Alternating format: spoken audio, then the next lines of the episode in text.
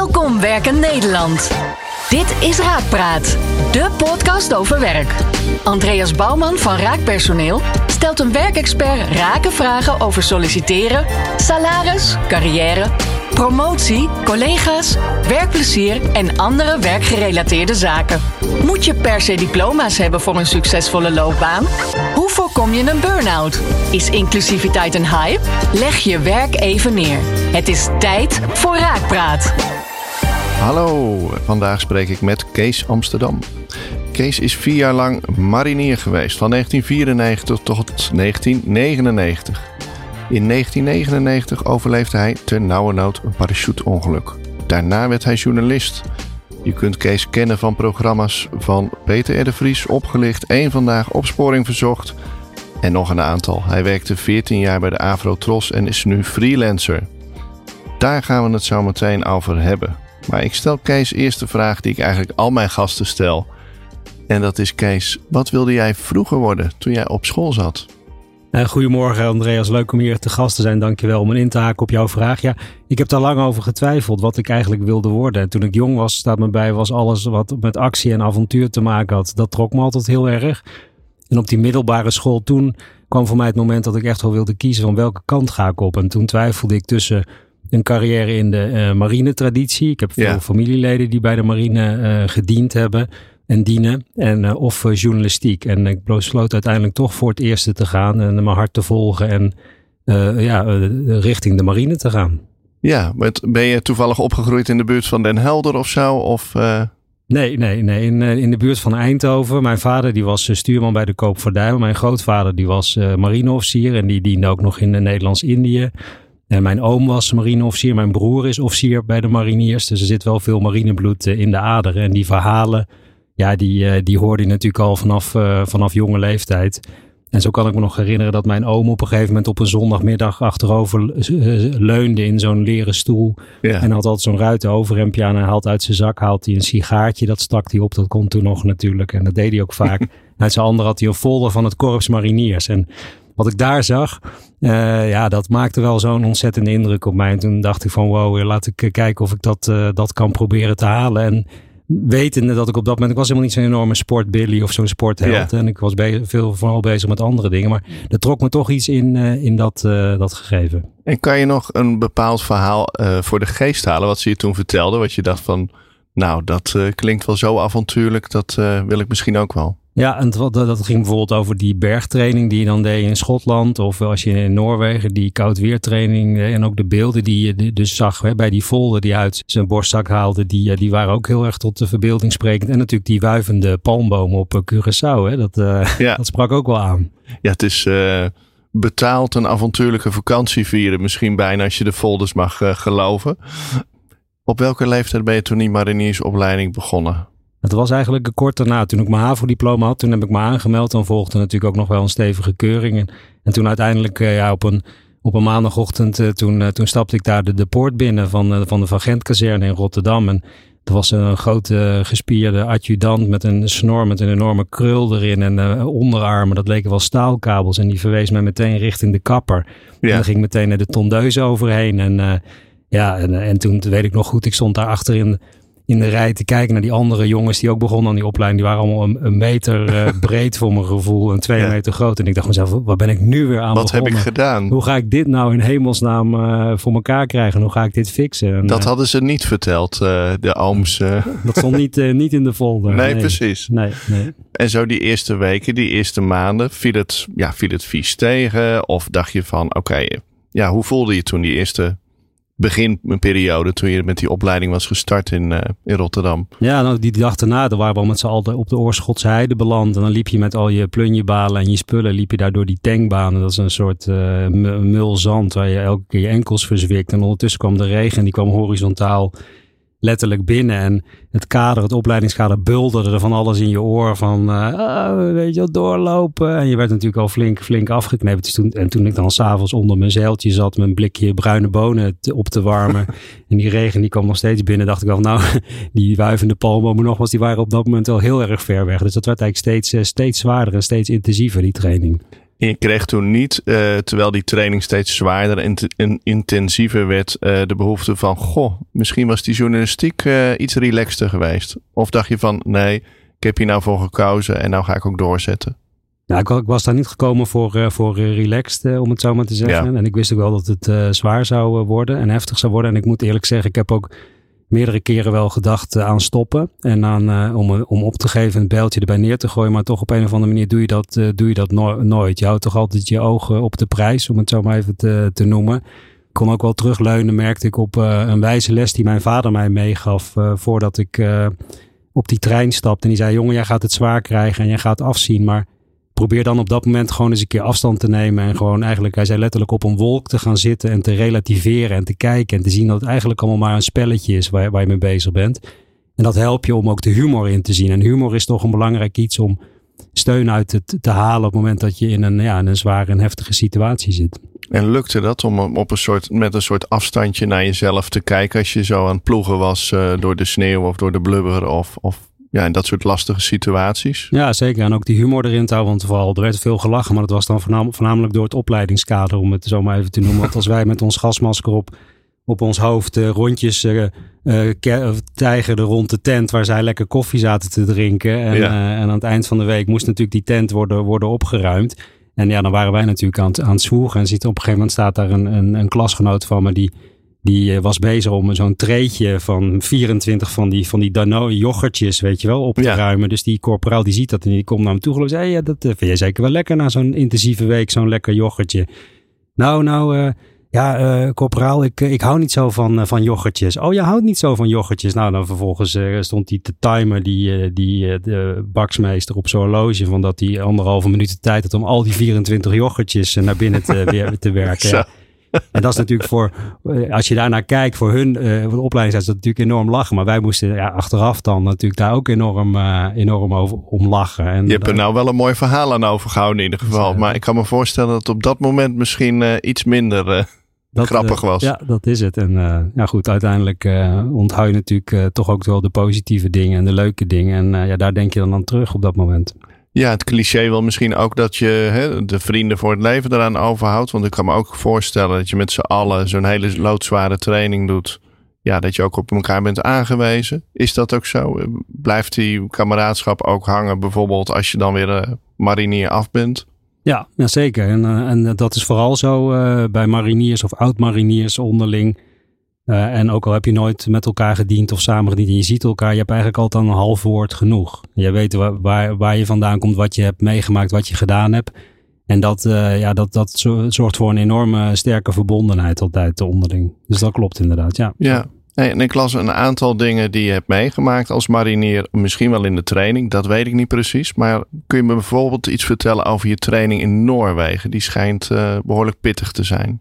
Ja, nou, dat, dat is absoluut zo. Dat was een, uh, dat, wat je daar doet, is uh, het leren overleven onder uh, arctische omstandigheden. Dus dan vooral in de kou en in de sneeuw. En dat begint ook met, met een fase dat je natuurlijk daar allerlei opleidingen in krijgt. En waar wij natuurlijk mee te kampen hadden. En dat, ja, dat was wel pittig. Is dat er natuurlijk het, het regende eigenlijk overdag. Dus het was best wel relatief warm. Dus je had veel overdag veel natte spullen. En, en s'nachts ging het dan best wel flink vriezen. Dus je lag vaak dan met eh, vastgevroren natte kleding in je tent. Hmm. En overdag, en dan moest je er natuurlijk ook nog uit, want dat ging natuurlijk s'nachts ook allemaal nog door. En overdag natuurlijk ook weer op pad met, uh, met die loodzware uitrusting. Dus dat maakt het al met al, maakt het dat wel, vond ik, kan ik, als ik erop terugkijk, wel echt een hele intensieve periode. Ja. ja. En um, ja, mariniers en het leger in het algemeen is er natuurlijk ook ja, om in moeilijke situaties te dienen. Volgens mij ben je bijvoorbeeld ja, in orkaan Mitch terechtgekomen. Wat deed je toen? Was dat in Zuid-Amerika waar je toen was? Kun je daar iets over vertellen? Ja, het was in, uh, inderdaad in, uh, in Zuid-Amerika, in Midden-Amerika, Honduras, uh, om, om precies te zijn. En dat is ook wel weer grappig dat je dat aansnijdt, want dat is typisch zo'n situatie wat ze bij de mariniers lees voor kip konijn noemen. Dat is een uitdrukking die vaak wordt gebruikt. Dat betekent eigenlijk op het moment dat je denkt dat je het een gaat doen, dan ga je in één keer het andere doen. Dus er wordt mhm. een enorm improvisatievermogen en een soort flexibiliteit verwacht om meteen om te schakelen. En wat ik daarmee bedoel is, wij waren in de jungle training in Belize in Midden-Amerika. En in één keer kwam die orkaan, die kwam eraan, waardoor wij eigenlijk heel snel geëvacueerd werden, midden in de nacht letterlijk. Terwijl zwiepende regen binnenkwam, liepen we met munitiekisten op ons nek richting de kust om daar uiteindelijk aan boord te gaan van een Engels schip.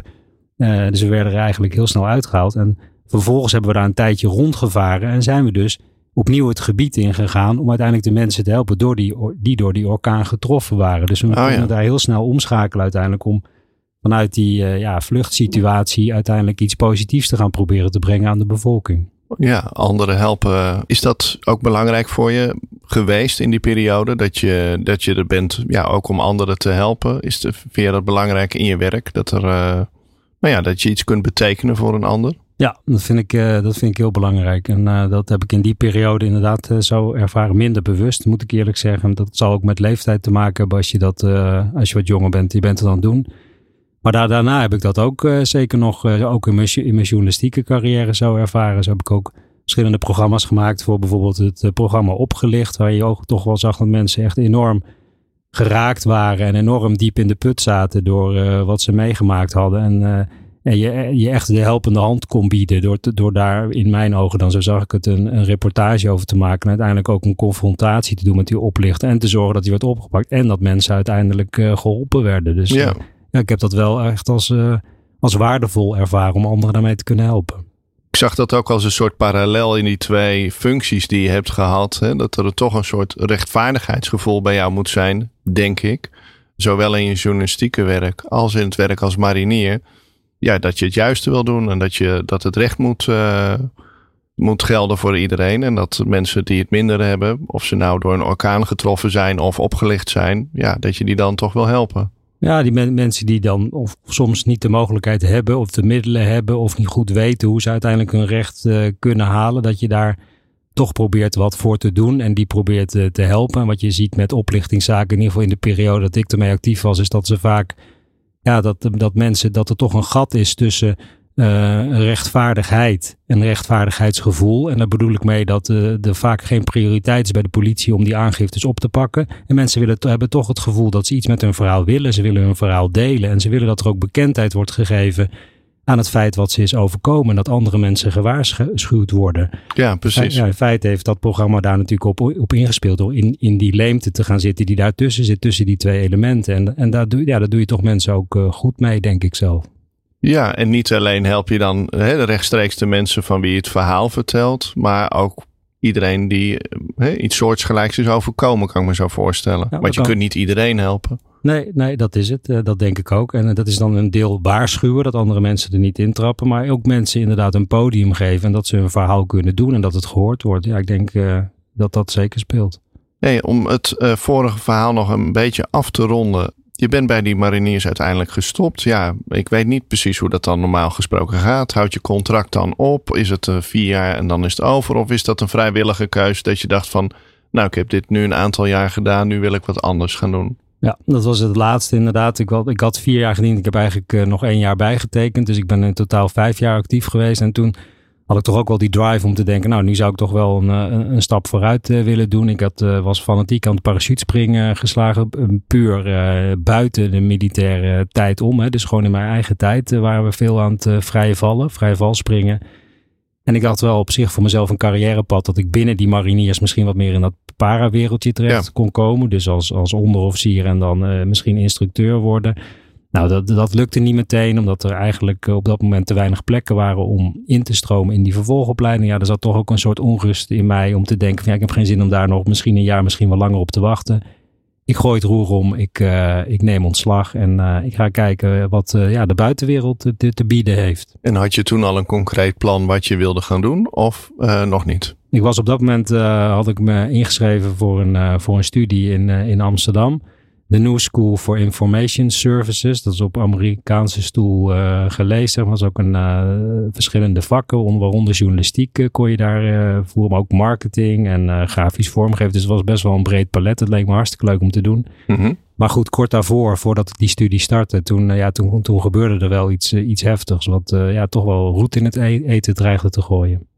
Ja, en volgens mij doel je dan op, op een val die je hebt gehad met je parachute. Ja, dat was uh, in juli 1999. Die opleiding zou in augustus, eind augustus starten. Dus vrij kort daarvoor. Toen En toen ging het vreselijk mis met, met parachutespringen. Ja, kun je dat vertellen? Ja, mij lijkt het al sowieso al doodeng uh, om uh, uit een parachute te springen met parachute. Uh, ga ik ook niet doen. Nooit gedaan dus, begrijp ik. Nee, dan, vrijwillig ga ik dat ook zeker niet doen. wat dat betreft ben ik... nee, lijkt me dat gewoon doodeng. Dus dat, dat doe ik niet. Um, maar jij, ja, jij bent veel avontuurlijker ingesteld wat dat betreft. En je deed het als hobby. Wat ging er precies mis? Ja, het was eigenlijk op die eh, dag, was eigenlijk een prachtig mooie dag. Het was eh, blauw, uh, je had een strak blauwe lucht en uh, ja, vogeltjes floten letterlijk, kwamen aan op die dropzone. Er was letterlijk geen vuiltje aan de lucht. En ik was samen met mijn maatje Mark. En we checkten elkaars gear nog even, kun je nog goed, we dronken nog even een colaatje. En op dat moment worden de namen worden omgeroepen en dan ga je dus ga je die, uh, ga je die kist in en, en, die vliegt dan omhoog. Dan heb je altijd het moment als hij wat afremt en dan gaat de deur open en dan uh, neemt hij wat snelheid terug en dan kijk je dat gat in van, van drie kilometer dicht. En dat is eigenlijk toch wel het moment van de kick natuurlijk, weet je wel, als je daar natuurlijk induikt. En dat gebeurde ook, want dat deden we met z'n tweeën. We doken, we doken dat gat in en ja, vervolgens even later toen, uh, toen lag ik op de grond. Uh, toen was ik verkeerd terechtgekomen. Ik had een inschattingsfout had ik, had ik gemaakt. Maar de parachute ging dus wel uit gewoon? Ja, die was goed geopend. En, en toen kwam ik ja, in, het, in, in, in, het, in het gras kwam ik terecht. Ik zou eventueel een klein stukje kunnen voorlezen uit mijn boek. Wat er op dat moment gebeurde. Ja. Ik lig op mijn rug in het pas gemaaide gras. Het opgewekte gezang van de vogels is het enige geluid dat de lome zomermiddag verstoort. Door een rood waas zie ik sloom rondzoemende bijen. Mijn keel vult zich met slijm dat naar koper smaakt, terwijl ik probeer te kokhalzen om niet te stikken in de afgebroken tanden en kiezen. Ik voel mijn benen niet meer. De angst om nooit meer te kunnen lopen grijpt om mijn keel. Adem in, adem uit.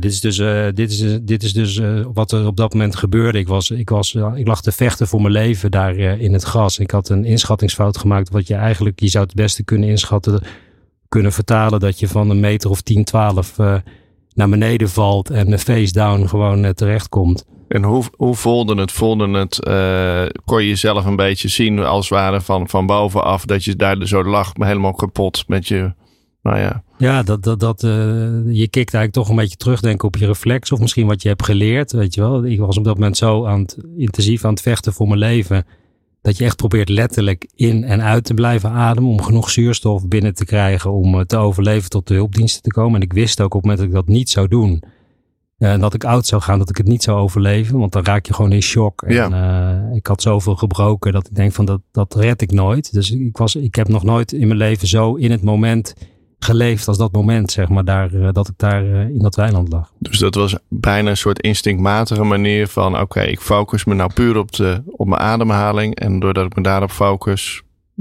nou ja, dat was dan, hè, kan je te overleven. En kan je ook waarschijnlijk de pijn verdragen. Of had je zoveel endorfine en stofjes dat je niet direct een verschrikkelijke pijn had? Ja, ik voelde op dat met mijn benen ook niet meer. Ik was opgestaan toen ik naar beneden was geklapt. En toen was ik ook door mijn been heen gezakt. Dus ik zag mijn bovenbeen nog wel liggen. Maar dat, dat lag eigenlijk in een gekke hoek van 90 graden, zeg maar. Dus ik zag ook wel dat het heel erg mis was. En dat ik natuurlijk veel gebroken had in mijn gezicht. En alles eigenlijk los hing. Um, leek het wel alsof er denk ik heel veel adrenaline is aangemaakt. Waardoor ik eigenlijk weinig voelde, letterlijk, letterlijk van mijn lichaam maar wel heel erg gefocust was. En dat is wat je volgens mij net, net beschreef ook. In, in dat moment te blijven om elke keer die, die teug lucht uh, te kunnen krijgen. En wetende dat de hulpdiensten gealarmeerd zouden zijn. Daar ging ik vanuit. En dat het dus een kwestie van was minuten, misschien tien minuten. En dan zou ik of geïntubeerd worden, of beademd worden, of geholpen worden. En uh, dan zou het, uh, zou het goed moeten komen. Ja, maar ik hoor als ik jou goed beluister geen echte paniek of doodsangst in die zin, maar meer een, een, nou ja, toch wel een soort koelte en een soort overzicht over de situatie, doordat je zo uh, geconcentreerd bleef. Nou ja, eh, in die zin uh, zeker ook wel, um, um, ja, zo zou je het misschien kunnen noemen, maar ik heb ook wel God aangeroepen op dat moment, terwijl ik eigenlijk niet uh, gelovig ben. Ja. En hij ja. luisterde. Welke impact heeft die val gehad? Want je had al de beslissing genomen om te stoppen bij de mariniers. Je was al gestopt. Daar had je al ingeschreven volgens mij voor je studie. Uh, en dan gebeurt er zoiets. Iets wat je, ja, wat je hebt overleefd, maar in potentie levensveranderend uh, kan zijn. Zo'n zo'n gebeurtenis kan ik me voorstellen. Zeker. Wat had het voor korte en, en langere termijn gevolgen? Nou, korte termijn was dat ik natuurlijk uh, stevig moest revalideren. En lange termijn was dat ik uh, wel het gevoel had van ik wil eigenlijk graag met die, met die studie gaan starten. Ik wil wel verder. Maar goed, um, um, ja, er was ook wel weer, om even terug te grijpen op mensen en personen die bepalend kunnen zijn. Ook een bepaalde momenten in je carrière. Mijn vader die reikte op dat moment wel uit en zei van Misschien als je zou willen stoppen, we gaan dat niet doen. We gaan een hotelkamer huren in de buurt van die opleiding. En je gaat toch, ook al is het lastig, starten aan die opleiding. Ja. En dan, het is misschien nog te kort, maar dan moeten we naar gaan kijken. Maar probeer nou wel te beginnen. En uh, ik ben blij dat hij me daar toch dat setje heeft gegeven. Dat ik daar, en weliswaar op mijn krukken lopend naar die, naar die deur iedere dag. En s'avonds zat ik op mijn hotelkamertje te studeren. Maar ik ben wel eigenlijk binnen een week of zeven zat ik in Amsterdam en was ik begonnen aan die studie. En uiteindelijk eh, heb ik heel snel heb ik daar mijn punten gehaald en is het toch gaan lopen daardoor. Dus ik, ik ben eigenlijk wel blij dat het op het moeilijke moment toch doorzetten, toch doorpakken. En mhm. Handreiken, dat mensen je toch dat duwtje geven. Dat is voor mij toch een heel uh, schakelmoment en bepalend moment geweest. En voor dat doorzettingsvermogen heb je dus die hulp van je vader in ieder geval gehad. Of die support of die lichte, uh, nou ja, die adviserende rol. Speelt er ook nog iets anders bij? Uh, is doorzettingsvermogen, is dat nou vooral aangeleerd, aangeboren? Of heb je de hulp van een ander bij nodig? Hoe zie jij dat? Ik denk dat het een, uh, als ik naar mezelf kijk, ik dacht ik haal die mariniersopleiding nooit. Ik was minder fit, ik was minder groot en sterk dan al die gasten. Maar uiteindelijk, als het zwaarder en moeilijker werd, ik, ik merkte gewoon, die spierballen kan je wel trainen. Maar er is een, een spier die tussen je oren zit, ik noem het een grijze spier, die is minder makkelijk te trainen. Ja die mindset. En dat zat bij mij zat het wel goed, want ik wist er moet echt wel wat gebeuren. Wil ik uiteindelijk aan, die, uh, aan de bel trekken en hier uitstappen? Weet, dat ga ik niet vrijwillig doen. Blijf gewoon tot het einde doorgaan om te proberen het te halen. En ik denk dat je dat er toch iets is wat tussen je oren zit, dat dat toch uiteindelijk bepalend is en belangrijk is. Misschien een soort van wisselwerking van aangeboren, maar ook gezien in je omgeving. Want je had natuurlijk ooms uh, die in uh, marinier waren geweest. Je had een, een vader die je stimuleerde. Maar niet willen falen ook. Hè? Kijk, ik kan natuurlijk niet. Ik heb opgegeven, ik kom thuis en uh, weet je, ik ben, ik ben ermee gestopt. Ik zei dat zou voor mijn gevoel, ik zou dat niet kunnen. Was geen optie. Ja, dat, dat, dat, leek mij gewoon het allerergste wat je zou moeten, uh, zou moeten doen. En het uh, boek wat je hebt geschreven, waarom heb je dat geschreven? Want dat heb je volgens mij vlak na je val geschreven, of niet? Dit is eigenlijk pas gebeurd op het moment dat ik klaar was, met mijn, klaar was met mijn studie. Ik had mijn opleiding gehaald. Ik kreeg ook al een baan aangeboden op dat moment. En toen op een of andere manier, op dat moment vlamde toch weer die liefde voor die journalistiek op. Hè? Dat, schrijven, dat verhalende.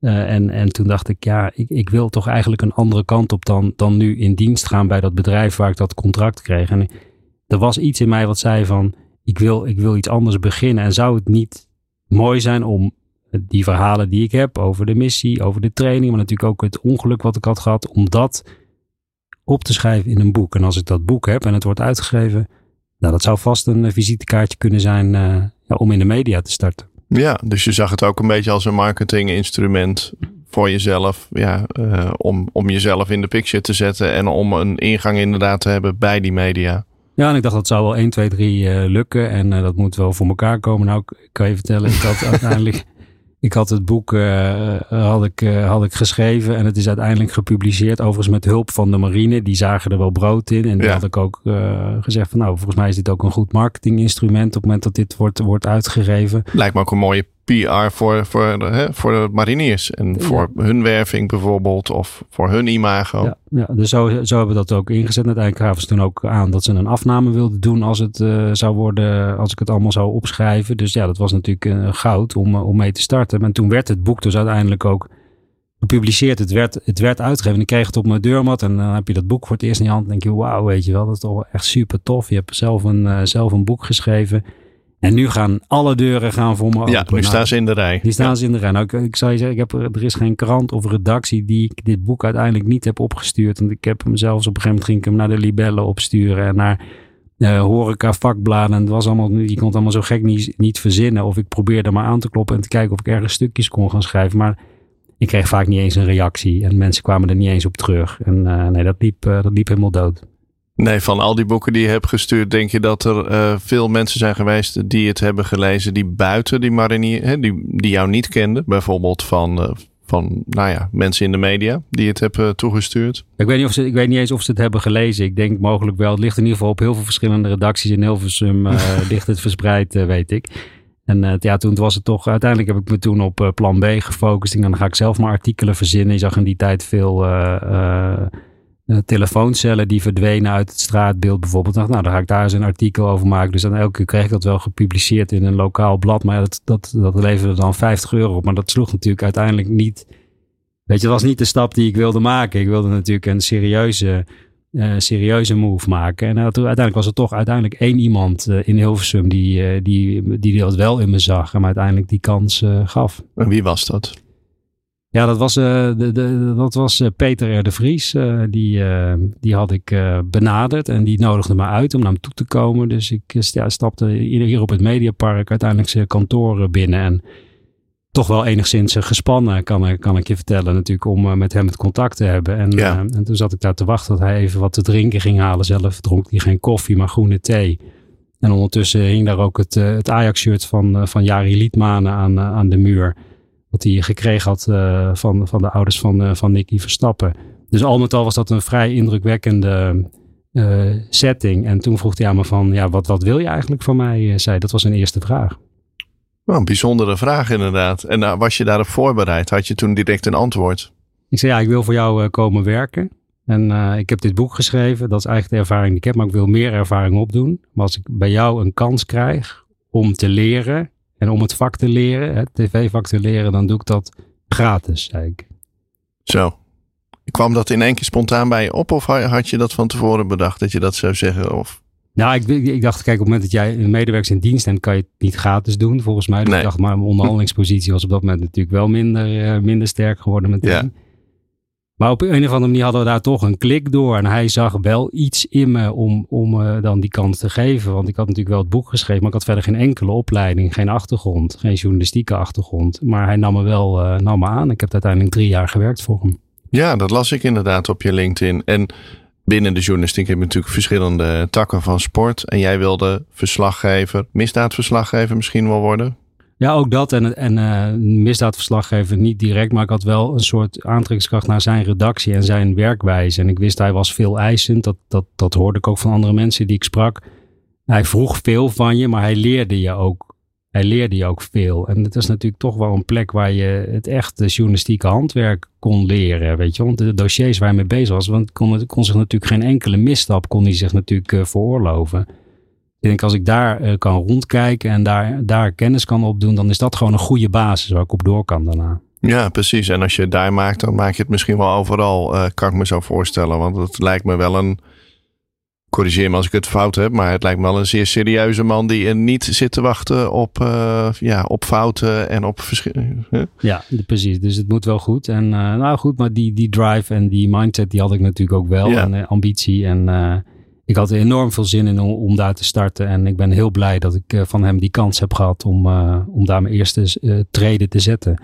En wat, ja, wat heb je in die drie jaar, wat, wat, wat is hetgeen wat, het mee, wat je is meest is bijgebleven, wat je hebt geleerd van hem? Nou, er zijn, er zijn verschillende dingen die ik, die, die ik van hem geleerd heb. Maar zeker ook, dat is een stukje inderdaad die nauwkeurige, nauwkeurigheid en het, het, het, het journalistieke handwerk. Ik noemde het net al, hè, dus het en niet zomaar klakkeloos aannemen wat je ziet en leest, maar altijd check, dubbelcheck en ook autoriteiten check of zij ook inderdaad het, het verhaal bevestigen. Uh, en daarbij ook natuurlijk om geen stap terug te doen als het spannend wordt. En als je op een, uh, op een interessante en, en, en spannend dossier afstapt. Want zo hebben we ook op een gegeven moment een, een, een, een, een moordenaar die in Suriname iemand vermoord had. En hier in Nederland doodleuk een leven had opgebouwd. Hebben we hier in Nederland uiteindelijk weten op te sporen en, uh, en, en weten te ontmaskeren. Maar ook een malafide incassobureau, Rivi, Rico en Vincent, die hier mensen afpersten en, en mishandelden. Die, die, die wisten we uiteindelijk ook voor de camera te krijgen en te zorgen dat, dat politie en justitie daar actie op ondernomen. Dus ook een stukje onverschrokkenheid. Dat heeft hij mij ook wel, wel meegegeven. Ja, precies. En uh, zijn dat ook de, de zaken waar je zelf persoonlijk het meeste voldoening uithaalt? Als je terugkijkt op uh, afgelopen nou ja, 15, 20 jaar uh, journalistieke ervaring die je nu hebt? Nou, dan is het ook wel opsporing verzocht. Ik ben daarna na bij Peter drie jaar gewerkt. Heb naar het programma Opgelicht gegaan. Daar heb ik toen uiteindelijk een aantal jaren gewerkt. En daarna één vandaag, de actualiteitsrubriek. En toen opsporing verzocht, waar ik ook voor de camera presentaties deed op locatie. En dan moet je je voorstellen, bij opsporing verzocht word je eigenlijk toch wel ingezet als middel van justitie. Want het is gewoon een opsporingsmiddel. Ja. Uh, en dat, daar zit natuurlijk ook vaak een tactische variant achter. Want er wordt natuurlijk niet voor niks iets bepaalds gezegd op een bepaalde plek om misschien te triggeren uh, in een bepaalde hoek. Dat er bijvoorbeeld taps lopen of dat ze informatie nodig hebben uit een bepaalde hoek. En ik weet dat we in bepaalde zaken, en dan ben je natuurlijk maar een heel klein onderdeeltje van het geheel, wel met het programma daar het, uh, het verschil gemaakt hebben. En uiteindelijk toch hebben gezorgd dat daders gepakt werden en uiteindelijk nabestaanden antwoorden konden krijgen. Ja, nou, ik kan me voorstellen dat dat een uh, fantastisch gevoel geeft. Ik denk ook dat als mensen naar jou luisteren, dat ze denken, nou ja, die Kees die, uh, die heeft A, een fantastische loopbaan. Maar B, je hebt ook een aantal keer ja, serieuze tegenslag gehad. En ja, ben je gewoon iets begonnen eigenlijk zonder ja, dat je de juiste papieren of ervaring had. Zowel als marinier ben je begonnen goed op grond van verhalen. Uh, terwijl je niet misschien fysiek de, de allersterkste uh, marinier was. Daarna, ja, je had een opleiding gedaan, maar ook geen uh, opleiding journalistiek. Ben je de journalistiek ingegaan. met, ook weer met een onverschrokken houding. Als mensen die dit luisteren en die zelf een andere richting op willen met hun loopbaan en denk van ja, uh, ik voldoe misschien wel aan twee van de vijf karaktereigenschappen, maar ik heb ze niet allemaal. Of ik heb niet het juiste diploma, of ik ben, ik heb niet de juiste leeftijd. Heb je een bepaalde tip die je mensen kan meegeven, een bepaald advies? Dat je kan zeggen van oké, als je een droom hebt, dan moet je dat zus en zo aanpakken. Of wat is jouw, laat ik het maar gewoon heel concreet vragen, wat is jouw advies aan, aan mensen die in die situatie zitten? Ja, dat is wel een mooie vraag. En ik zou eigenlijk zeggen van, uh, in ieder geval als ik voor mezelf spreek, als er hinder, hindernissen zijn, uh, er toch overheen klimmen en uiteindelijk proberen kansen te, te creëren. Uh, probeer je netwerk in te zetten. Dus vaak relaties zijn toch belangrijk om, om ergens te komen. Al is het maar tips, adviezen of te delen dat je ergens mee bezig bent. Want toch ontstaan er dan toch eigenlijk nieuwe dingen. Ja, dat hoor ik ook wel inderdaad in jou. Eh, de keren dat je zo'n verandering hebt gemaakt, dat je toch ook elke keer weer refereert aan anderen die je geholpen hebben. Je hebt zelf de stap naar die ander gezet, maar die anderen hebben je ook weer geholpen. Ja, en ik, ik, probeer zelf altijd ook te helpen als ik kan. Als ik anderen kan helpen, dan vind ik het altijd heel fijn om, om dat te doen. Want ik geloof in het verspreiden van positiviteit. Uh, dus dat, dat, dat wil ik ook graag. En ik, ik, ik maak ook graag gebruik van de hulp van anderen. En ik merk dat er dan ook altijd positieve, een positieve flow ontstaat. Waar iedereen dan iets positiefs uithaalt. En, en ja, tussen aanhalingstekens profiteert. Dus als je dat doet en je durft om hulp te vragen. En je maakt kenbaar dat je iets zou willen. En je zet ook natuurlijk wel een beetje door. Dan zijn echt heel veel dingen en mooie dingen mogelijk. Gaaf, ja. Um, nog een laatste slotvraag. Als jij over nou, een jaar of twintig terugkijkt op je laatste twintig jaar uh, dus de twintig jaar die nu komen gaan. Uh, hoe kijk je dan terug? Zijn die dan net zo avontuurlijk als de eerste 20, 25 jaar van je loopbaan? Zeker, ja. Hoofdstuk 1 was inderdaad het, uh, het, het mariniers uh, gebeuren. Hoofdstuk 2 de media. Nou, daar zit ik nog steeds volop in met heel veel plezier. Mijn vrouw heeft het bedrijf www.samenstoer.nl. Die organiseert de weekenden voor ouder en kind. Dus meer ja. verbinden met elkaar zonder schermen. Dus naar buiten outdoor activiteiten doen. Nou, daar help ik ook eh, graag aan mee. En, we hebben ook de droom daar samen iets te beginnen in het buitengebied als we een locatie vinden. En dan zou ik zo'n combinatie met, met, met die activiteiten en mooie mediaklussen, dat zou een mooi derde hoofdstuk kunnen zijn in mijn leven. Ik hoor het al, Kees. Jij denkt niet in beperkingen. En ik wens jou ongelooflijk uh, veel succes met alles wat je doet. En een ongelooflijk avontuurlijk derde deel van je loopbaan. Bedankt voor het luisteren naar Raakpraat. Binnenkort weer een nieuwe aflevering met Andreas Bouwman en een verse werkexpert. Meepraten? Check de show notes en abonneer je op onze podcast. Werk ze!